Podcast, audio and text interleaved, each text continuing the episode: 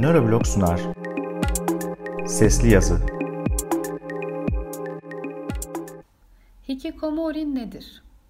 Hikikomori, Japoncadan köken alan ve aşırı sosyal izolasyonu tanımlamak için son dönemde kullanılmaya başlanan bir terim. Yalnızlıktan farklı olarak Hikikomori durumunda insanlar çok sayıda insan tarafından çevrelendikleri halde kişisel sosyal paylaşımlar yapamadıkları için kendilerini yalnız hissediyor olabilir ya da doğrudan çok az insanla temas ediyor olabilirler. Hikikomori kökenini aldığı Japonya'da özellikle gençler arasında görülen sosyal izolasyonu tanımlamak için ortaya çıkıp tüm dünyada kabul gören bir terim haline geldi.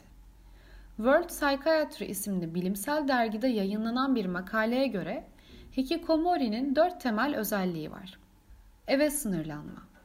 Kişiler zamanlarını büyük oranda evde geçiriyorlar. Ev dışına çıkmaktan çekiniyorlar. İnsanlardan kaçmak. Olası sosyal ilişkilerden kaçınma hali. Bu durumun sebebi sosyal fobiden ziyade konfor düzeyini düşürmemek için yalnızlığından feragat etmemeye dayanıyor. Artan stres. Hikikomori ilk dönemde konforlu gelse de sürenin artmasıyla birlikte stres ve yalnızlık duygusu da giderek artıyor. Eşlik eden diğer psikolojik bozukluklar. Bu duruma sıklıkla depresyon, kaygı bozuklukları gibi başka psikiyatrik bozukluklar eşlik edebiliyor. Ayrıca hikikomori ile depresyon sebeple içe kapanmanın sınırları tam olarak ayrılabilmiş değil. Japonya gibi geleneksel toplumlarda aile bağlarının modernleşmeyle birlikte giderek zayıflaması ve Netflix kültürünün yayılması bu fenomenin güçlenmesinin sebepleri olarak görülüyor.